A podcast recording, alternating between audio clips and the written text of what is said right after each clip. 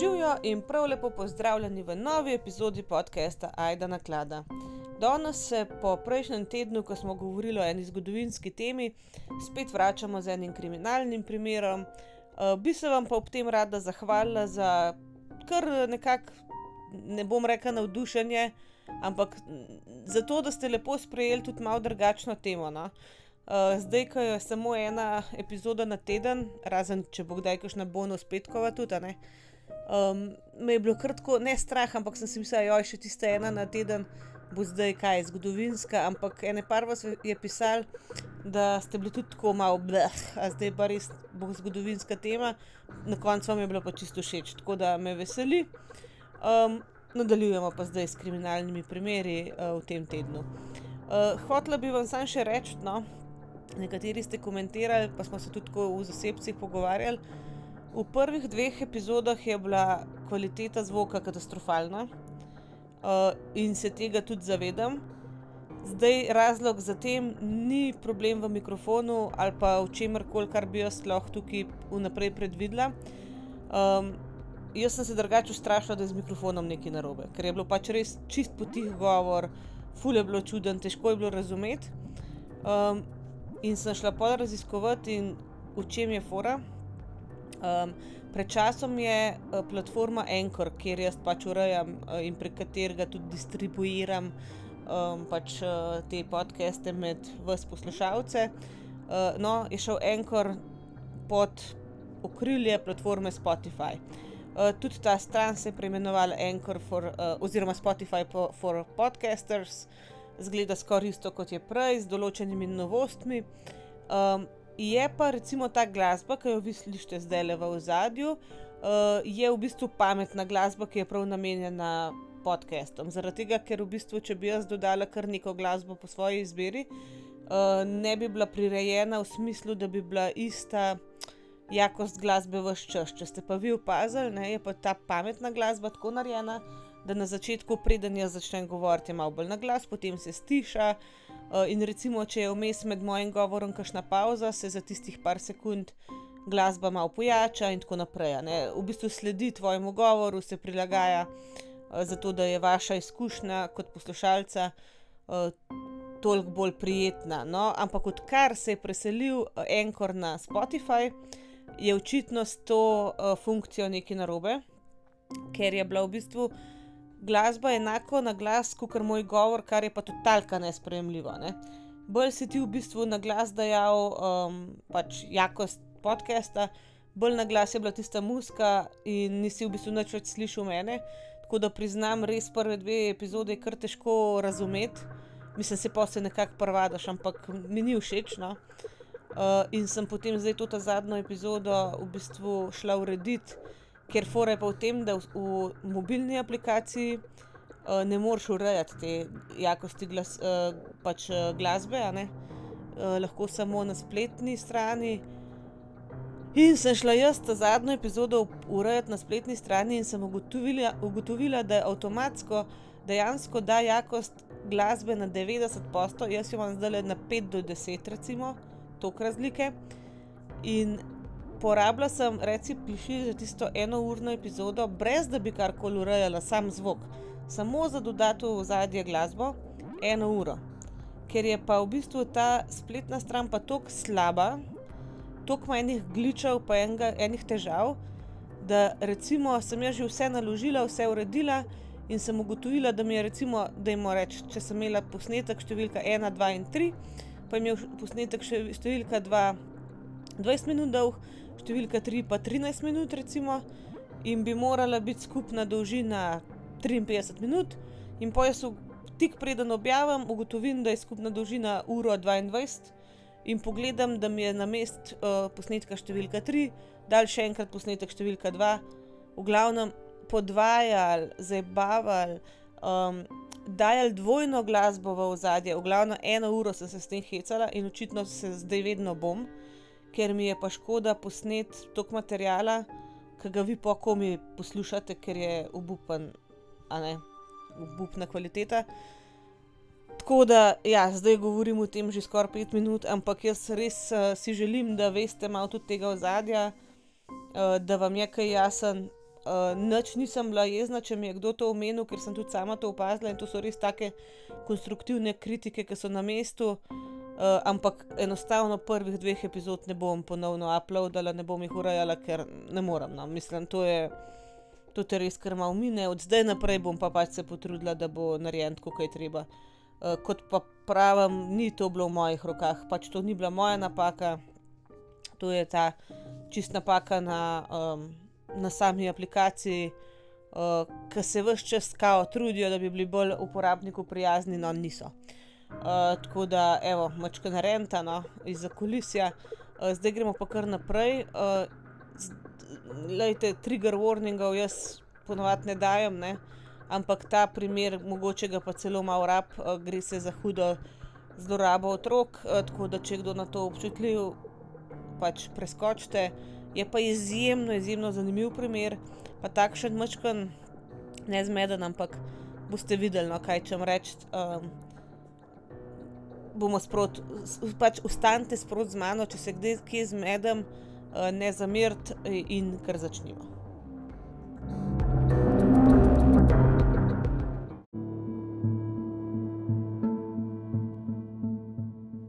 No, današnjo zgodbo začenjam z enim prizorom, ki se vam najbrž zdi kot iz nočne more ali pa iz kakšne grozljivke.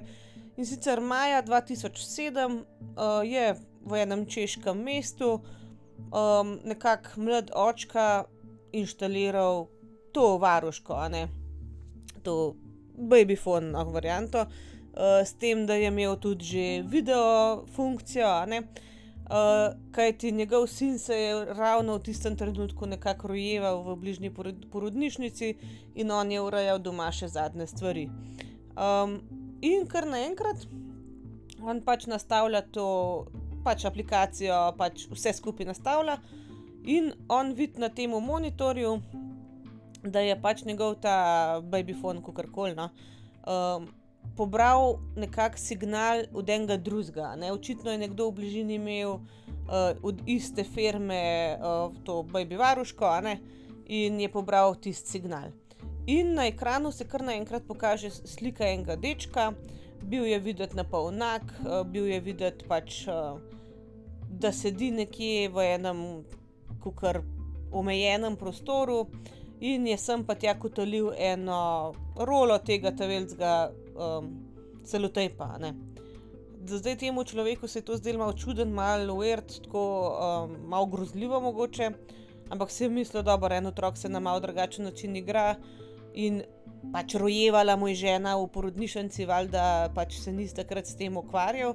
In je na to mačkam pozabil. Potem pa pač se je otrok rodil, prišel domov, oni so orang začeli uporabljati ta baby monitor. Ne? In uh, čez nekaj dni se spet pač pojavi slika iz nekega drugega monitorja, no takrat je bil pa ta deček vidno v neki stiski, uh, zvezan je bil, in na koncu se je ta človek um, odločil poklicati policijo.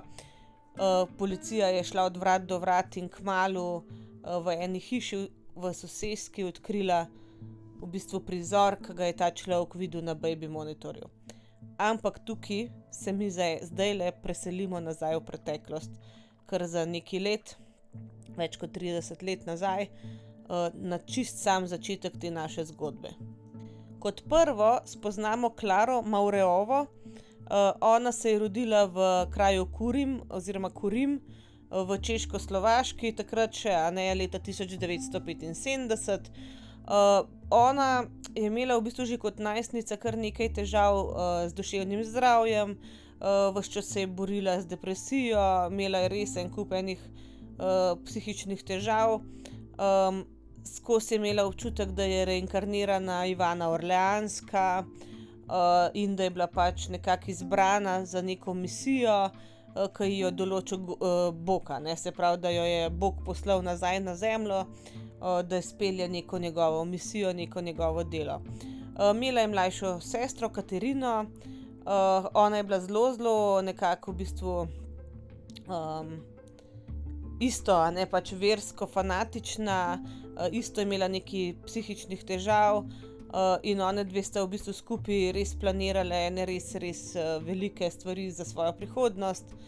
Uh, in ko je bila Klara stara 20, je šla na univerzo um, in pač tja študirati, uh, nikoli se pa ni mogla čist teh njenih fantazij religioznih uh, rešiti. Zdaj tukaj pravijo temu, so oni rekli pseudo-religiozne fantazije, ker v bistvu niso bile čist uh, v skladu z doktrinam, recimo krščanske vere. Ona je dodajala še kar ene nove fore, nove fantazije, sej vemo, da tudi reinkarnacija v krščanski veri ni načeloma priznana. Uh, tako da ona je malo pomešala vse skupaj, tako da je šlo v bistvu z roko v roki s to njeno fantazijo. Uh, zdaj ona je postala potem, seveda, čist samostojna ženska in um, je spoznala nekega moškega, uh, kar hiter je zanosila, pač se je poročila. Ne?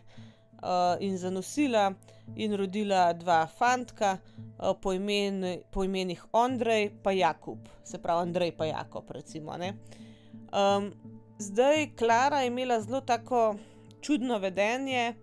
Um, Bila je nasilna, bila je zelo tako nezdrave načine vedenja imela, no? in ta pač uh, zakon, seveda, zaradi tega tudi ni trajal. Um, ona se je pač ločila od svojega moža, oziroma mislim, da še nista bila niti uradno ločena, pač rašla sta se in uh, on je njo pustil samo s tema dvema otrokoma. Uh, kljub temu, da je bila ekscentrična, da je imela neke svoje fore, je bila še vedno dobra mama, uh, preživljala je ogromen čas s svojimi otrokoma, imela ju je rada, skrbela je za njo, uh, bila je pa pač uh, zelo, zelo osamljena uh, itaka, ne, ker je bila skozi sama z njima in zato se je pač njena sestra Katarina uh, preselila nazaj k njej, oziroma pač k njej, ne, da sta pač skupaj živele in vzgajale te otroke. No, leta 1995 sta pa in Klara in Katarina spoznale um, neko osebo po imenu Anička ali pa Anika. Uh, zelo različno je, no, kako se je ona predstavljala, naveden. Uh, spoznali sta to osebo v Brnu, a ne Brno je mesto, ki ga slovenci kar dobro poznamo, se mi zdi, eh, na univerzi v Brnu in sicer um, tam je bila v bistvu neka. Um, Znotraj univerze je bil kukar en vrtec ali pa en um, varstvo za otroke. Zdaj jaz ne vem, ali za to, to za otroke teh zaposlenih ali študentov, to mi ni čist jasno. No? Ampak Katarina je v bistvu delala v tem, um, da je mo reči, vrtu, a ne varstvo, kako koli. No, in um, neka Anička, oziroma Anika, uh, naj bi bila stara 12 do, 3, do 13 let, uh, se je enkrat v tem vrtu pojavila, um, Katarina jo je sprejela v smislu, prid pač boš pomagala, da se imaš kam dati, ker je ta Anika. Uh, po, potožila, da je bila pač posvojena, oziroma v neki reniški, reniški družini, kako koli, in da je, da je bila tam zelo zlorabljena, da so grdo z njo delali in da je od tam ušla. Uh, zdaj, um, ona se je smilila Katarin, Katarini ne, in je v bistvu um, prosila Klaro, če se lahko pač ta Anika k njima preseli, živi pač z njima, ker nima kam jetne. Zdaj tukaj je pa prvi nekakšen twist ne, te zgodbe, prvi zaplet. In sicer Anika ni bila nikakor stara 12 do 13 let. Anika je bila v resnici Barbara Skrlova, 33-letna eh, ženska, ki je imela neko zelo tako redko gensko bolezen, zaradi katere je v bistvu izgledala dokaj mlajša, čeprav po tistih slikah ne vem, če je izgledala le 13 let stara, ampak koli. In najhujši je, da je Katarina vedela, da je Anika odrasla ženska in sta skupaj nekako načrtovali uh, to prevaro, s katero bi se nekako Anika oziroma Barbara ne, uh, naselila v hišo Katarinine sestre Klare. Zdaj pa pogledajmo najprej, mačkan, kdo je bila Barbara Skrlova. Um, Barbara, o njenem, uh, prav Barbara je, ne, da ne boste mislili, uh, zakaj tako izgovarjam. Pač o njenem zelo zgodnem življenju je veliko skrivnosti, zelo malo o tem vemo. Um, vemo samo pač, da je bila um, skozi pač ne težavna, ampak skozi je bila tak otrok, za katerega je bilo treba res veliko skrbeti. Uh, imela je eno zelo um, tako uh, hudo obliko neke bolezni, ki se ji reče, zdaj pa čakajte, da probam jaz tole prebrati prav. Hipopituitarizem. Hipopituitarizem. Uh, to je v bistvu neka motnja uh, delovanja ene žleze, se pravi, neki hormoni se pač ne iz, izločajo pravilno. Uh, in v bistvu, uh, kar pomeni to v praksi, uh, ta motnja potem upočasnjuje rast človeka, človek uh, izgleda veliko mlajši, um, in v bistvu ta Barbara je nekako zgledala tam najstnica, vse čas svoje odrasle dobe. Uh, poleg tega, da je imela pač to gensko motnjo, um, je pa uh, Barbara tudi trpela za velik nekih psihičnih motenj, od zelo, zelo majhnih um, nog, ne že. Uh, in uh, nikoli ne vejo, recimo, niso vedeli, no, še do današnjega dne ne vejo, uh, zaradi česa je imela toliko psihičnih težav, uh, mogoče je to pač s tem uh, hipopituitarizmom uh, pač povezano, ampak starša njena sta v bistvu prepoznala, koliko teh težav ima, pa koliko hude so. Uh, in uh, sta se odločila, da je treba enostavno pomagati, in sta jo vključila v neko um, bolnišnico, psihiatrično. Um, zdaj ta, uh, ta ustanova naj bi pač pomagala, uh, naj bi nekako s temi um, terapijami uh, sploh omogočila, da bi Barbara kadarkoli živela pač normalno, samostojno življenje, uh, ampak um, ne vejo, še vedno ne vejo na kak način. Je pač Barbara um, iz te um, psihiatrične ustanove ušla.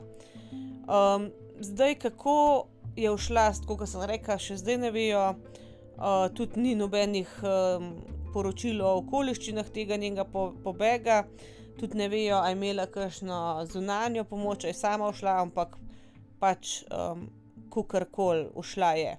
Je bila pa ona vse čas mojstrica manipulacije in recimo ta njen pobeg je bil eden od um, nekakšnih plodov te njene manipulacije. Ne. Tukaj se je videl, kako je ona bila mojstrica tega, kako je recimo najbrž znala nekoga prepričati, da je pomagal pri tem pobegu, ker sama bi zelo, zelo težko ušla. Um, zdaj, uh, potem, ko je ušla, je ona v bistvu se gibala po državi, po pač okolici, čist uh, ne, neopazno v resnici, ker je bila, kot se reka, odlična v manipulaciji in ni bila, lih, ona ni bila neumna, ne? ona je bila inteligentna, samo pač psihične težave imela in uh, je znala nekako ustvarjati nove in nove identitete um, in uh, se predstavljati pod čist drugimi imeni, in je enostavno niso več najdel. Uh, tudi kar je še ona izkoristila, je bilo pomankanje nekakšnega um, nadzora in tudi nekih uh, dokumentov v teh inštitucijah. Takrat ni bilo toliko enih uh, zapisov, ni bilo toliko poenotanja dokumentacije in enostavno pač ona je to izkoristila za to. Uh, da je izginila, vsake toliko časa je spet izginila, se pojavila pod novim imenom, in tako naprej. Um, zdaj, uh, zelo, zelo malo se tudi ve, uh, o tem, kaj so v tej bolnišnici sploh z njo še počeli, na kakšen način so ji hoteli pomagati. Um, ampak, uh, tako kot sem rekla, edino, kar se ve, je, da je kazala neko manipulativno vedenje um, in um, na ta način tudi ušla. Um, zdaj, ona je prežala na druge ljudi. Ona je vedela, da sama ne more nekako preživeti v tem svetu, uh, sploh če se skriva. In je vse čas uh, iskala uh, neke žrtve, recimo, ne, um, ki bi jih pač izkoristila za to, da živi pod eno drugo identiteto. No, kar je zanimivo, da je v tem času, pardon, ki je bila pač na begu, ne, uh, ko si je ustvarjala ene nove identitete, ona že začela nekako se predstavljati kot mladoletna punca, kot punca, ki je všla iz nekega um, skupnega doma za mladoletnike, kjer so jo zlorabljali, to je bila kar neka njena persona, ki si jo je nadela. In na eni točki Um, jo celo, um, pač jo je celo en par posvojil. Uh, sicer um, ta par je potem videl, da ima resne psihične težave, tudi ona dva sta jo pač dala neko, na neko zdravljenje in je spet ušla. Uh, tako da um, na tej neki točki njenega življenja na begu je potem pač spoznala Katarina. Zdaj, Katarina, kot sem rekla, je vedela, da pač, pač Anika oziroma Anička uh, ni uh, Barbara, mislim, ni pač stara 13 let. Uh, vedela je, da je Barbara Barbara pač in uh, sta skupaj sodelovali, da bi nekako zmanipulirali Katarinino sestro Klaro. Um, jaz sem nekje slišala, da je celo šla si uh, prsi zmanjšati operativno. Zdaj tega jaz ne najdem te informacije tako nekjer zapisane, tako da ne bom vam trdila, da je bilo to res, ampak sem se tudi jaz vprašala, kljub samo, tudi če ima neko bolezen, da je manjša in tako naprej. Um, Sej vidiš razliko no, med ženskim telesom in med uh, telesom punčke. Vemo pa, ne, da so tudi neke 12-13 letnice že čist prsate, lahko, ampak kljub vsemu. Tako da tukaj nekaj vsekakor mogla storiti. No. Um, pač um, v tem obdobju, ko se je pač Barbara pojavila v življenju teh dveh uh, sester, moramo vedeti, da je bil sploh za Klaro zelo nekako naporen obdobje. Ona je živela s svojima dvema sinoma sama, uh, šla je na razen od njunga očeta. Um, in um, nekako Barbara je, oziroma Anika, ne, kot, kot kar se je predstavljala, je um, ponudila nek smisel spet v njenem življenju. Vse ne da njuna, uh, mislim, njena lastna otroka nista ji dajala dovoljnega smisla, ampak um, ona se je res predstavljala kot zelo bolna, zelo tako nidi, mislim. Delala se je, da potrebuje ful, ful ene pozornosti, ful ene zdravstvene oskrbe in tako naprej. In um, takrat je Klari to v resnici pasala. Ne? Ona je rabila nek projekt, neki, ne, oziroma nekoga, uh, v kogar je usmerila svojo energijo. In tukaj se v bistvu že začne na nek način spremenjati Klarin odnos in Klarin pogled na svet.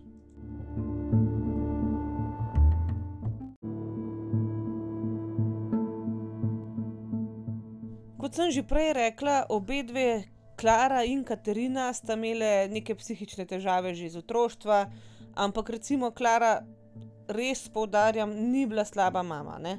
Ona je imela sama preseb te težave, ampak za otroka je res čudovito skrbela.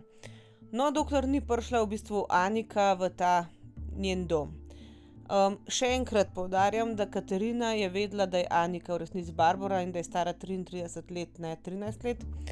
Uh, ampak um, Anika je imela en kup težav. Ne? Ona je imela, fulje bila zlorabljena, imela naj bi leukemijo um, in en kup tudi psihičnih težav naj bi imela zaradi teh zlorab, ki so se ji dogajale. Uh, imela je en kup, en kup um, pregledov pri zdravnikih zaradi leukemije, valjda.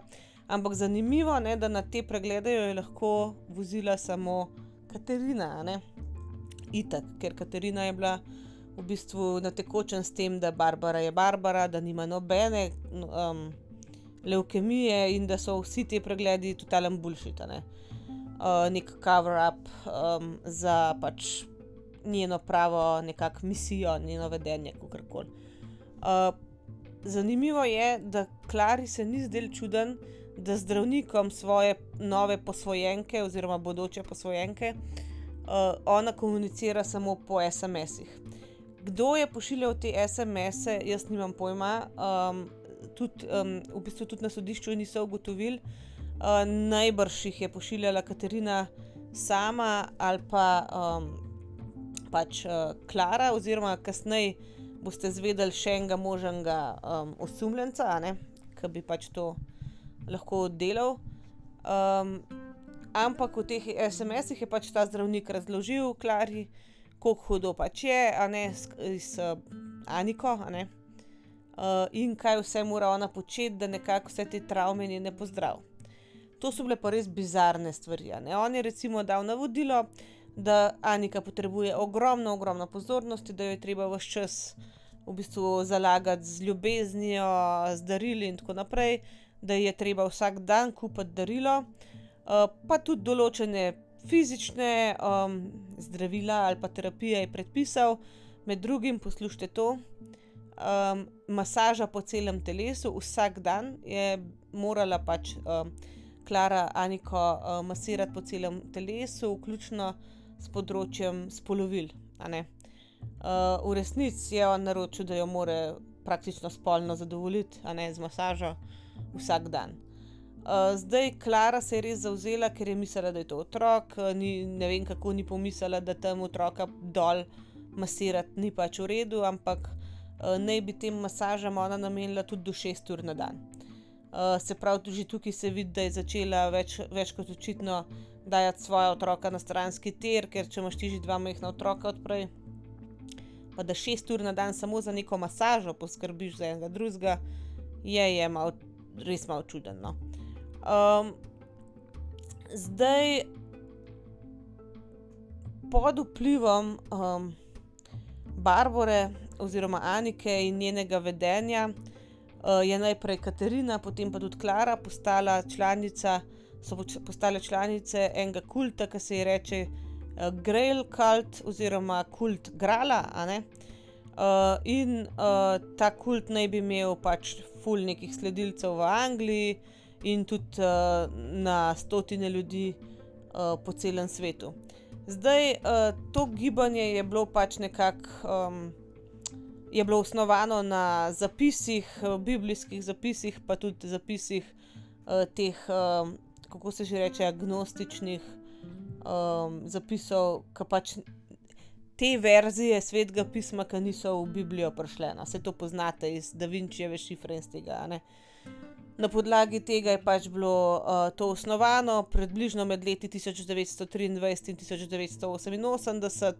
Uh, zasnoval je ta kult Nemec Oskar Ernst Bernhard, uh, in uh, naselil se je fo v Fomperbergu na Tirolskem v Avstriji leta 1928, da bi se pač osredotočil na svoje pisanje, uh, ki ga je naslovil uh, v svetlobi resnice, uh, sporočilo Grala.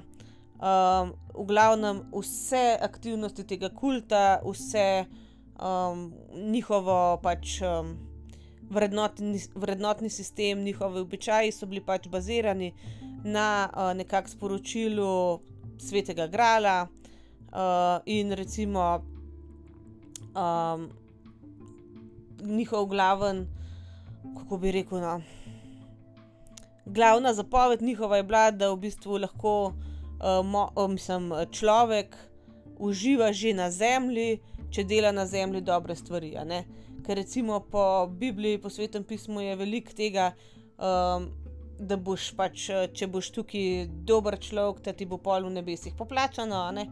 Oni so pa verjeli, da že, če si tukaj dober človek, pa če tukaj dobro delaš, da ti je lahko poplačano že tukaj. Da pač ni nujno, da v nebesih šele dobiš neko imaginarno nagrado ali kar koli. Um, zdaj še, ena, uh, še eno od pravil tega kulta je bilo, da se pač um, te sledilci tega kulta uh, osvobodijo vseh nekih socialnih tabujev, recimo, da se osvobodijo incesta, kanibalizma in umora, pač incest, kanibalizem, umor ni več tabu, ne? je nekaj čist normalnega za sledilce tega kulta. Uh, in um, oni so vsi dobivali nekakšna um, navodila enega vrhovnega njihovega um, vodje, ki se je sebe klical sem že hotel reči, mi je enega politika, ampak ne bom, uh, The Doctor oziroma zdravnik. Uh, ta zdravnik je uh, s svojimi sledilci komuniciral samo prek uh, SMS sporočil, prek njihovih mobitelov. In um, ta uh, zdravnik ne, je podpiral v bistvu suženstvo, uh, zlorabo otrok, uh, spolno promiskuitetnost uh, in je bil v bistvu zelo liberalen. Kar ne bi bilo v nasprotju z nekim takim kultom, ampak se je itak vidno, da je to vse pomešan, da nima z ničimer več nobene veze. Um, zdaj, pod vplivom tega kulta in Barbare, seveda, uh, je Klara najprej pobrila svoje lase in svoje obrvi, uh, začela se je oblačiti v ene take cunje, um, kukar breku, v ene, ne vem, zavijati odeke, a ne pač sploh ni imela oblačil, ki dobi je bila, ej. Na to me je spomnil, isto on ni imel obrvi. Pa. Mogoče je pa on sledil temu kultu, v resnici. Trapec. No, nima veze.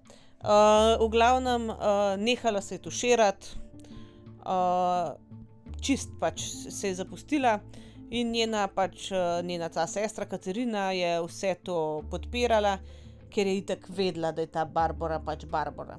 Zdaj tukaj je vse čas vprašanje, ali je Klara vedela, da je Barbara, Barbara, ne pa Anika. Ona trdi, da ne.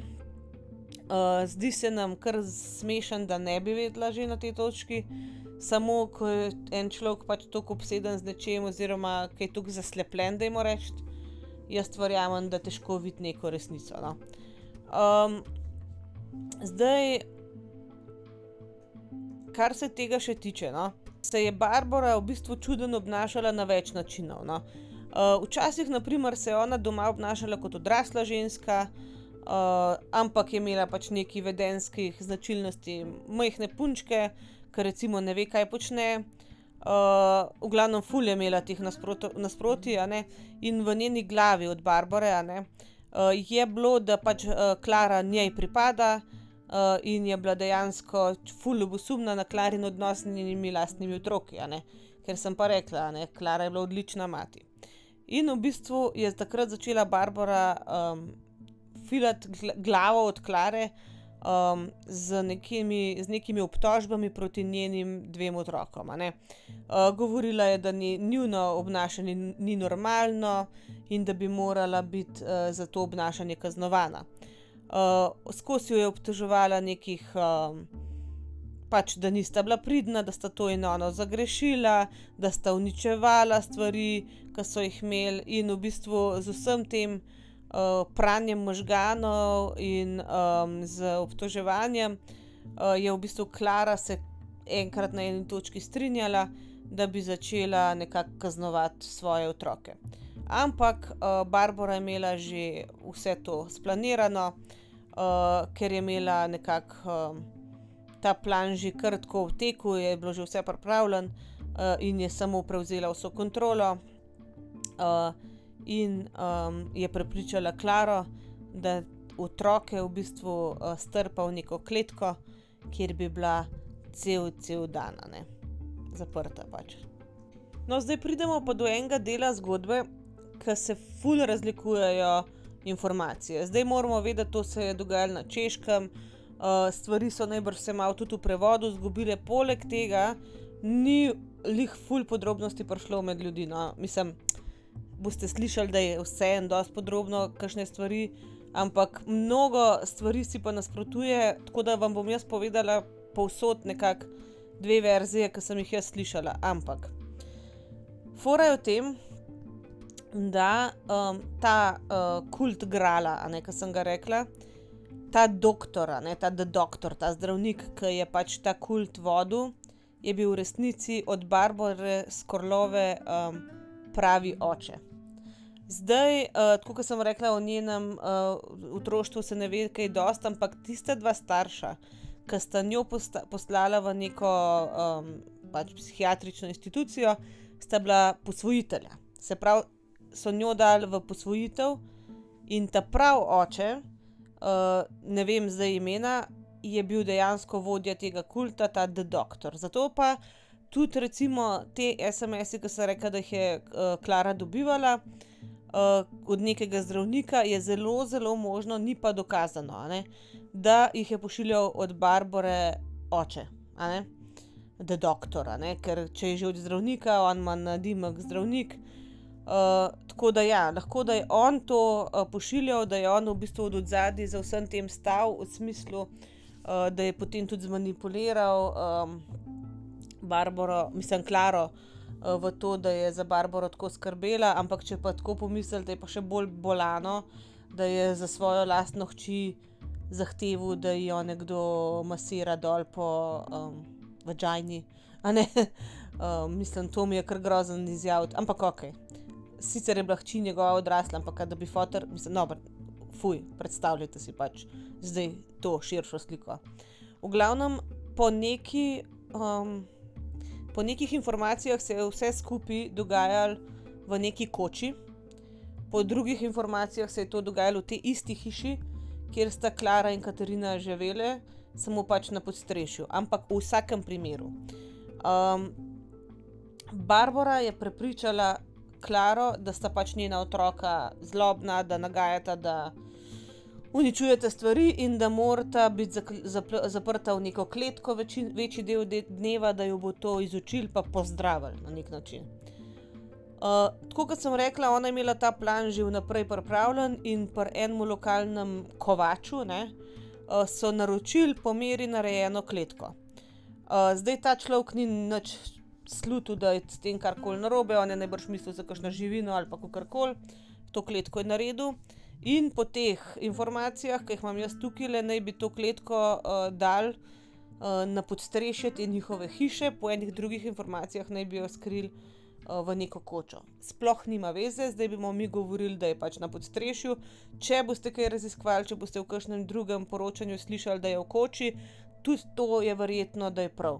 Ampak ker so tako različne informacije, jaz zdaj le vam ne znam povedati, uh, kje točno je ta kletka bila, kar nima v resnici niti veze. Uh, pač dejstvo je, to kletko so sestavili, jo dali na ta um, podstrešje, uh, in um, Klari in Katarini se je zdelo to vse čisto normalno. Um, pač rekli so, da je pač ok, fantka so dal noter, koliko sta bila tukaj stara, jaz zdaj tudi ne vem točen mislim, tam 6-8, nekaj tacga, ne? uh, tako majhna, ampak ne zdaj tako dve leti, tri leta stara. Majhna, ampak vsem prevelika v smislu, da se boste tega čist cel life spomnila. Uh, v glavnem, uh, fanta so noter zaprli uh, in uh, so rekli, da ni problema, ker so pač rešetke do široke, uh, da bojo tema fantoma lahko čez rešetke, skozi rešetke, uh, dajali hrano. Uh, fanta nista tega vedela, ampak v tej kletki sta ostala več kot eno leto dni. Uh, v celotni zgodbi je bila vodilni lik Barbara. Uh, ona je v bistvu vse čas dajala navodila uh, tema dvema sestrama, kaj naj delata pač s tema otrokoma. Uh, ona je v bistvu določala, na kakšen način naj bo ta mučena, uh, in um, kako pač eh, ne z, njimi, z njima ravnata. Zdaj pa tukaj prihaja ta del, ki vam moram povedati. Eh, ne bom šla, mislim, bo nazorno, no? ker želim, da veste, kako hudo je bilo. Um, ugašali so cigarete na teh dveh fantih, na njihovih rokah in nogah, uh, bila sta prvezana, bila sta, imela sta zamašena usta, kadar so pač imeli obiske v tej hiši uh, in vse čas so jih pretepali in uh, jih tresali uh, z električno uh, pač energijo, z elektriko, ki so jo spustili skozi te um, rešetke teh kletk, ne te kletke. Zdaj slišite, da govorimo o množini, jaz seveda govorimo o Katarini, Klari in Barbari, ampak v tej zgodbi je upleten tudi Barbarin pravi biološki oče in mislim, da zdaj pa ne vem, Astric ali pa brat od Barbare. Spet, teh informacij se ne najde, jaz sem jih slišala v enem drugem podkastu, ne najdem nikjer tega zapisanega, oziroma je samo na hitro omenjen.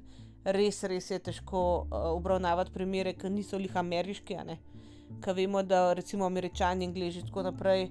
Uh, res imajo vse podrobnosti, jaz so posod pač napisane, medtem ko te bivše uh, sovjetske, v resnici, gor, države, pa ta vzhodna Evropa. No. Um, že ko smo čikatilo ga delali, no, uh, je full stvari manjkalo, ker enostavno jih niso zapisovali in pol še, ko se je prevajal, se kaj. Se je kaj narobe prevedel, ampak kakorkoli, uh, bila sta upletena še oče, pa še en moški sorodnik, vse skupino. Uh, ženski sta pol uh, ta dva fanta začeli tudi bičati, um, pač z biči, a ne um, utapljati, uh, recimo, da sta tišali uh, njuni glavi v uh, vodo toliko časa, da sta že izgubila zavest. Uh, Ves čas sta bila fantka gola, uh, enkrat na teden sta prišle pa polivali po njiju uh, mrzlo vodo, uh, kar je bila pa v bistvu edina higiena, ki sta jo ona dva bila deležna. Uh, to je bilo za njo kot tuš, a ne kljub temu, da je bilo mučenje, sta bila vsaj vesela, da sta se na nek način kukar umila. Uh, spala sta um, na tleh, uh, nista imela nobenih dek, noben, nič za pokrit, nič za pod, pod sebe dati, in v bistvu sta spala na svojih iztrebkih, se pravi na blatu in na urinu svojemu. Uh, recimo, uh, vsake tok časa so jim prinesli kaj za jesti, uh, ni bilo to vsak dan, uh, če sta pa pač jokala, uh, so jo tepali ali pa stresali z elektriko prek teh rešetk.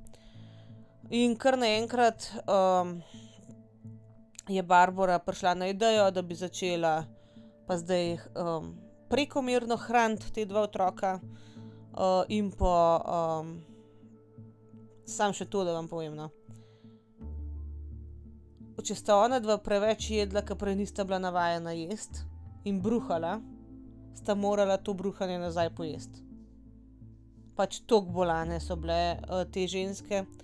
V glavnem, no, posta jih začela, pač eh, so jih začele več hraniti, in čez nekaj časa, ko sta fanta dobila neki um, teže nazaj, ne, pač se je poznali na njihovih telesih, da sta pridobila neki teže, uh, so se odločili, uh, predvsem te tri ženske, pa tudi ta dva moška, ne zdaj.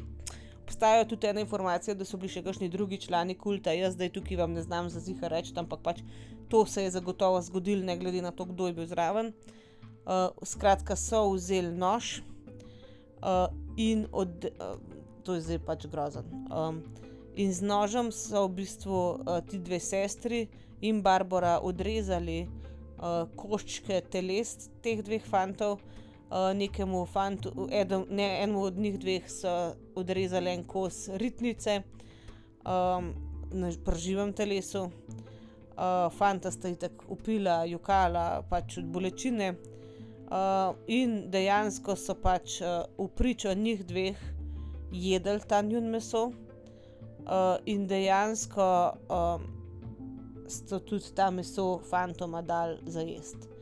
Uh, to je bil kot nek ritual tega kulta, tako kot sem že rekla, ta kult je zagovarjal, da ne obstaja ne en cest, ne kanibalizem, ne umor, ni bilo to vse normalno, in s tem, ko so to zaužili, so se nekako temu poklonili in res izrekli, da pač v to verjamajo.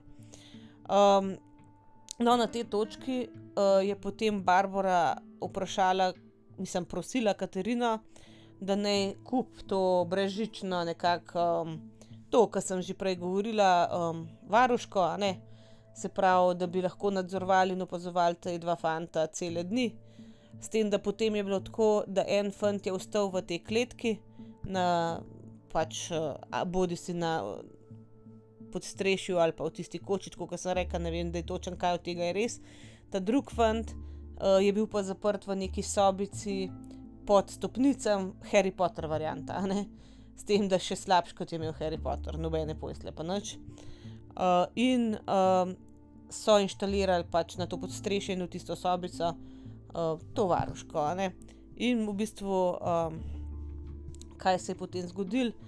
Ta zgodba, ki smo jo povedali že čist na začetku, sosed, ki je inštaliral varuško doma, je imel slučajno isto firmo in je v, v bistvu ujel signal iz njihove hiše in videl pač tega fanta najprej, potem je pa tudi videl uh, čez nekaj dni, uh, da pač uh, je dejansko pos, uh, pač videl na tej varuški nek ritual mučanja, uh, ko je te tri ženske. Um, so te tri ženske pač mučile oba dva otroka.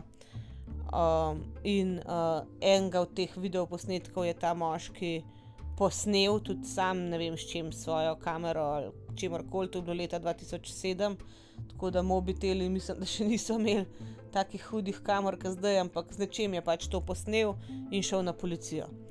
Uh, 10. maja 2007 je policija pač prečesavala uh, to okolico te hiše, ker so vedeli, da pač signal ni mogel priti od prav delčane uh, in so nekako potrkali na uh, vrata Klarine hiše. Uh, on, ona je pač odprla, v hiši je bila tudi Katerina, uh, in oni so se po hiši razgledali in videli neko to uh, sobico pod stopnicami, ki je bila pa pač zaklenjena z um, to težko žabco.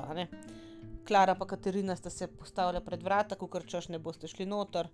Uh, oni so um, razbili te ključavnice in vstopili. In ba je, da te policisti nikoli prej, nikoli pol niso videli, predvsem pa vohali uh, tega, kar so tam doživeli. No. Uh, rekli so, da je pač izgledal um, kot ena scena iz uh, grozljivke, s tem, da to je bilo pač res, kar so videli, uh, da je bil ogro, grozen, ogaben von po krvi, urinu in uh, iztrebkih, da po tleh, po stenah je se vse lepil od krvi. Uh, in um, zdaj po, eni, um, po enih podatkih sta bila tukaj oba dva otroka, eden je bil nezavesten, drug pa v šoku. Uh, po drugih podatkih naj bi eden bil tukaj noter, ker morate vedeti, na tem posnetku je bil samo en fant no? in tega naj bi najdel, pa bi on rekel, da ta drugi je v šoli, ampak ni bil v šoli, so ga našli potem v tisti kletki. Uh, Kukorkoli, v vsakem primeru oba dva fanta so našli uh, in odpeljali v bolnišnico. Uh, v bolnišnico so pa odpeljali tudi um, Barbaro. Barbara je namreč prišla po teh uh, stopnicah, se je vrgla uh, temu uh, policistu okrog pasu, uh, neki jokala, neki stokala, razlagala, uh, v bistvu ne lih obrnila proti Katarini, pa Klari, ampak pač se naredila, da je tudi ona en otrok um, in predvsem nedolžen otrok. Ne? In oni so njo vzeli kot njih dva. Ne? pač če sta bila ona dva mučena, je bila ona najbrž tudi. Moram poudariti, da um, uh, pač uh, fanta sta imela grozne, grozne um, poškodbe, kot so rekli, če so pač uh, iz njih uh, rezali meso, si najbrž lahko predstavljate.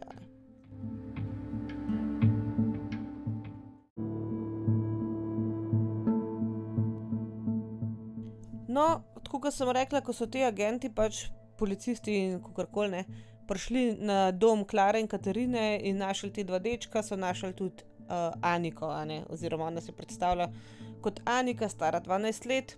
Zdaj ni bilo to kar tako odpeljati dva fanta, recimo kletko so prav mogli prežagati tam nek, uh, ne vem, kva, nek pač ključavnico, karkoli.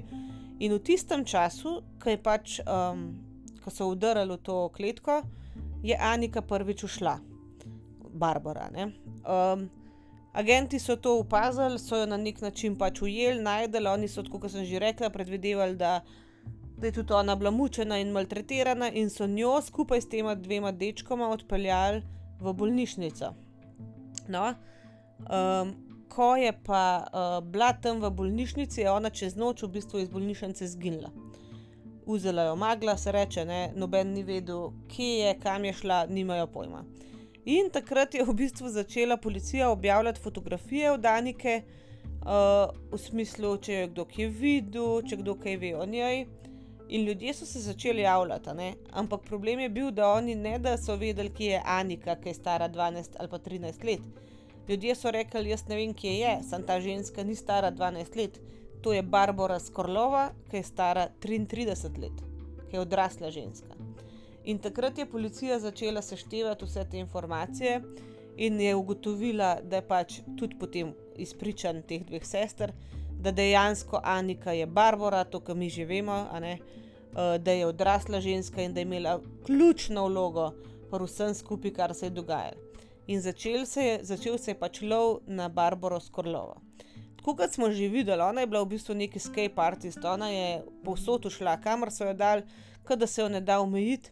In ona je v bistvu takrat zbežala na Norveško, kjer pa je ponovno uh, prevzela eno um, fake identiteto. In sicer takrat se je pa pretvarjala, da je 13-letni fant po imenu Adam. Dejansko jo je en norveški par posvojil, posvojil tega fanta Adama, čeprav je bila to Barbara stara 33 let. Uh, oni so mislili, da so posvojili 13-letnega Adama, da je bil to brezdomen otrok prej. Uh, in uh, policija je rabila skoraj eno leto, da so jo našli. Ko so jo našli, je pač uh, bila aretirana in začelo se je sojanje, da pa poslušajte to. Ona je bila obsojena na pet let, samo na pet let zapora. Klara Ma Maureto, Maue, Mauerova, sorry, Maurerova je bila obsojena na devet let zapora, zato ker je počela svojima otrokoma. Uh, njena sestra Katerina je bila pa pač obsojena na deset let zapora za vse, kar je počela, pa tudi za nekakšno vlogo v tem, ker vse skupaj malo organizirala. Ne razumem, po kateri logiki je dobila najmanj v bistvu Barbara, čeprav je prevzela tujo identiteto, se pretvarjala, v bistvu ona zorkestrirala vse to in tako naprej. Zdaj tukaj je še par stvari, ki jih moramo omeniti. Kako se je lahko pretvarjala odrasla ženska, da je 13-letni fant? Ok, ona si je povijala prsi, to je prva stvar um, pobrila si je glavo, lahko pogooglate, kakšna je bila videti kot ta Adam, a vam povem, kakšna je bila videti kot kaj že gru ali kaj je um, pri minionsih, uh, kaj že na uh, Despicable Me. Ta gru, ta leader od minionsov, tašna je zgledala. No? Tiste velike okrogle oči, pobrita glava okrogla. Uh, Pejte pogled. No? Mislim, kdo bi do, verjel, da je to fant 13 let star, ne vem ampak ok, tudi tista slika, ta makšot, a ne je lahko tako malo vrljiv. Um, Meni ni jasen, kako so lahko njo, ne vem, kolikrat kar posvojili, ker to ni bilo toliko časa nazaj. To je bilo leta 2007, recimo, a ne. To ni bilo leta 60, pa tudi leta 60, ne vem, če je bilo to tako drugačno. Ampak to ni kar tako, da ti najdeš enega otroka na ulici, pa je pa tvoj, kot da mačka najdu. No pismo še mačka, če najdeš, so načeloma, če se držiš tega, neki postopki. Ne? Recimo bi moral poklicati v pristojno zavetišče, bla bla. Ok, mi dva sva zofi kar posvojila, ampak sva pelala k veterinarju, da učita, če je čip. Pač še mačka, ki najdeš, ni kar tvoj, a ne. Peleš zdravniku, pregledajo, vprašaš in tako naprej. Ta pa kar posvojena in tudi pol en let je živela kot ta Adam, preden so jo aretirali. Pol imamo še en pomislek, najbrž ga imate vi tudi za malo nazaj, če gremo. Te stvari je bilo ne mogoče ob tej zgodbi sproti govoriti, ampak recimo uh, Klara, mislim, da je že legalno posvojila Aniko, ali pa je bila še v postopku, ki je pa že iztekel. No? In v postopku te um, posvojitve je bilo treba dokazati prvo kot prvo, ker ona ni imela uh, dokumentov. Ne? ona je kukar ušla iz nekega doma, prevzgojenega, iz enega um, zelo uh, težkega okolja, družinskega se je lagala. Ne? In kao nima nobenih podatkov, ona pove, kako se piše, kako je ime, koliko je stara. To je vse, kar imamo, pač njene besede. In je bilo treba v bistvu narediti zdravniški pregled, um, pač da je z njo vse v redu, uh, pa je tako pač pregledati otroka. Poleg tega je bilo pa treba uh, dokazati, da je to res otrok da je to res, da ni to slučajno odrasla oseba. In to so oni počeli z vzorcem urina, kjer so oni pregledali neki, neke hormone ali nekaj. Jaz to, ne vem točno. In dejansko um, so mislili, da tistega zdravnika nekaj podkupili, potem je pa celo um, nagovorila Katarina uh, eno sodelavko, ki je imela 13-letno hči, da je prinesla uh, lonček uh, urina od svoje hčerke in so pač dali tisti lonček urina na mest uh, Barbaringa, in je bilo potrjeno, da je pač stara 13 let. Pač res je videl, kakšna manipulatorka je bila, kako je ona znala vse te ljudi uporabiti sebi upritane. Zdaj, um, na koncu te zgodbe, jaz, fuljenih manjkajočih členov, recimo, kje je zdaj ta fotor od Barbare, po enem, recimo, uh, po enih podatkih sem jaz poslušal, da je bil on prav tako obsojen na neki mizernega, ne se je neka oren kazen. Uh, tukaj, recimo v teh člankih, ki jih jaz, imam jaz sklepa, sploh niso neki kratki članki, uh, on sploh omenjen, ni tako da tukaj, tukaj se res vidi um, pomankljivost teh poročanj, zaradi tega, ker se je to dogajalo nek na češkama. Ne? Uh, če bi se to dogajalo v Ameriki, bi mi imeli zdaj le Netflixo serijo dokumentarno, pa 3000 enih člankov, tako pa pač imamo komikaj, pa zdaj sestavljam to zgodbo za vas tukaj. Ampak ja, pač te tri ženske so zagotovo bile obsojene, ampak na res kratke zaporne kazni. No, zdaj to sojenje, ne vem niti točen, kjer ga leta je bilo. Leta 2007 je bil pač ta posnetek najden, pa otroci so bili takrat najdeni. Um, tako da, če, je, če so pol njo še en let iskali, jaz mislim tam 2008, 2009, je bilo sojenje, pet let je dobila, ampak, surprise, surprise, uh, odsedela je polovičko, se pravi, dve leti pa pol je bila samo v zaporu, ker je njen odvetnik pač dal ugovor in trdil, da pač zaporniško okolje grozno vpliva na njeno um, duševno stanje. Ne. Da ona ful trpi psihično v zaporu in je revčka, in so jo spustili po dveh letih, pa pol. Uh, zdaj, po njeni spustitvi, o njej ni vel veliko več slišati, ker naj bi hotela živeti mirno življenje, stran od žarometov, mislim, prej bi se to odločila. Um, zdaj, uh, ostali dve ženski, če ste dobili 9 pa 10 let, uh, tudi če ste odsedeli celo uh, pač zaporno kazen, uh, mislim, da ste že zunaj, skoraj sigurno ste zunaj, čeprav o njima tudi ni, o njiju tudi ni nekih podatkov, pač vse živijo čist normalen life, stran od medijev in to je to. Kar se tiče teh dveh otrok, um, jaz sem slišala, um, zdaj bom jaz samo, sam še preverjam nekaj, samo moment. Ja, sem imela kar prav tisto, kar sem slišala, sam, uh, mislim, sem se prav spomnila, sam sem raje preverila.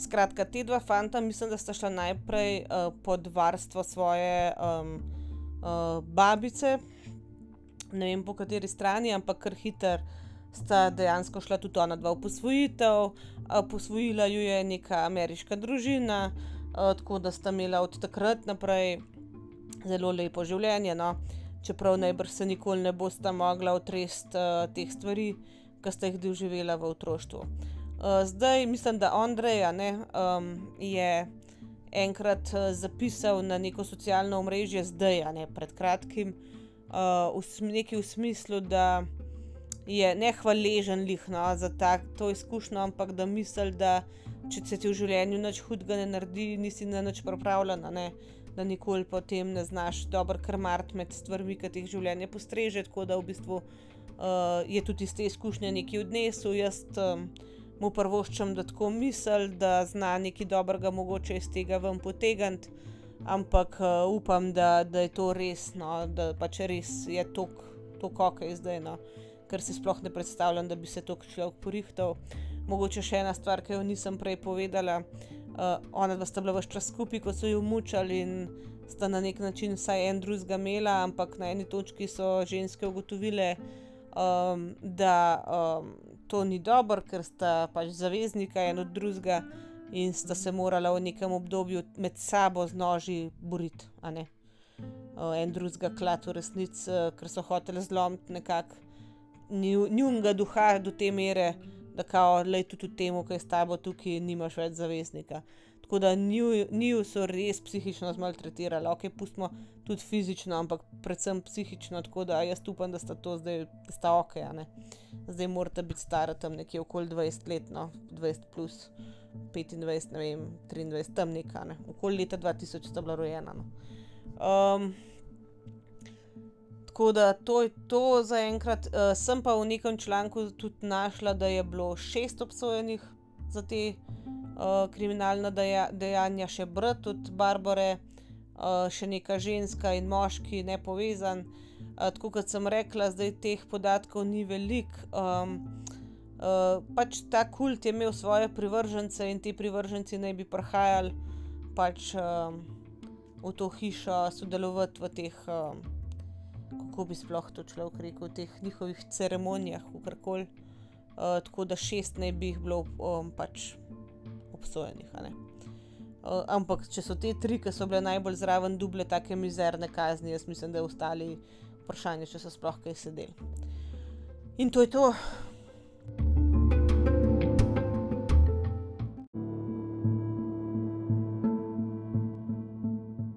No, ta primer je bil pa inspiracija za en film z naslovom Orphan oziroma Sirota iz leta 2009. Um, v bistvu ta film govori o eni deklici Ester, ki naj bi bila stara 9 let. Uh, posvojijo nek par po smrti njunega otroka in v bistvu potem ugotovijo, da je to odrasla ženska. Um, pač uh, isto, kot se je pač tukaj dogajalo. Um, zdaj jaz sem preverila in v Sloveniji, ne na Netflixu, uh, Disney Plus, uh, Sky Show, Time, uh, pač nekje ne moreš um, Orphan gledati. Uh, je pa na voljo na HBO Max, tisti, ki imate uh, Orphan First Kill oziroma Sirota Prvi umor, ki je pa prequel, ne, se pravi predzgodba tega prvega filma. Uh, ki je bila pa pač uh, ta film, je bil pa izdan, izdan leta 2022, uh, tako da če želi kdo to gledati, evo, prikvel je gor, um, samega filma pa žal ne. Um, to, je to, to je to za današnji primer. Jaz upam, da vam je bil všeč. Jaz ne vem, če sem ga uspela povedati tako nevreten, kot je uh, sam primer pač sestavljen, kot je se odvijal, ampak ne morem verjeti, koliko malo informacije v tem primeru, tako na spletu, jaz brskam, brskam, googlam danes. Uh, ni, pač ni stvari gor. Um, sem pa v bistvu cel prejšnji teden gledala, poslušala o tem primeru, tako da mi že izušli sven leze. Zaradi tega, ker enostavno je to kompleksen, da prvič, ki ga poslušaš, ti sploh ni jasen. Prvo kot prvo, Klara, Katarina, kdo je kdo potem uh, pač ta um, Barbara je bila Anička, Anika, Ana so jo včasih klicali, tisoč enih različnih imen. Uh, mislim, res, res tak, kako ne rečem. No. Fakt ta primer, se upravičujem za, za to kletvico zdaj, ampak ne najdem druge, drugega izraza. No. Pač to je največji šitšov, kar jih je. No. Uh, in na češkem pismo, ki ste češko najdeli. V Brnu, v Brnu je bilo sojeno, pa v Brnu hodijo ljudje, pa poleti tiste dirke ali kaj že gledati, slovenci Pitgor. To je nam tako Brno, a ne Brno, halo. Uh, to je tukaj, a ne, mislim, ni čist tukaj, ampak se veste, kaj mislim. No?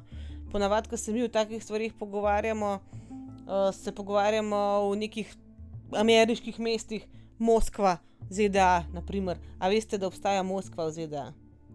A veste, da obstaja Beograd v ZDA? dajte pejte to malo. Zakaj vem za to Moskvo? Zaradi tega, ker se je tam nekaj groznega zgodil, kar bomo še enkrat obravnavali, ampak še ni sojenje, se niti začel, pa se bomo pogovarjali, ko bo nekaj znanga. Ampak Moskva, ZDA, mislim, koliko so ti američani, sorry, brez, brez idej. No. Saj rečeš peče, ne? to je tak kraj, ime za kraj. No, v glavnem, nima veze. Um, to je to, no, kar se tega primera tiče, drugače pa kar se ne tiče tega primera, ampak zdaj še kar malo nakladam. Uh, Gypsy Rose, Blanchard, a se je Blanchard, ne? No, pač Gypsy Rose gre iz zapora.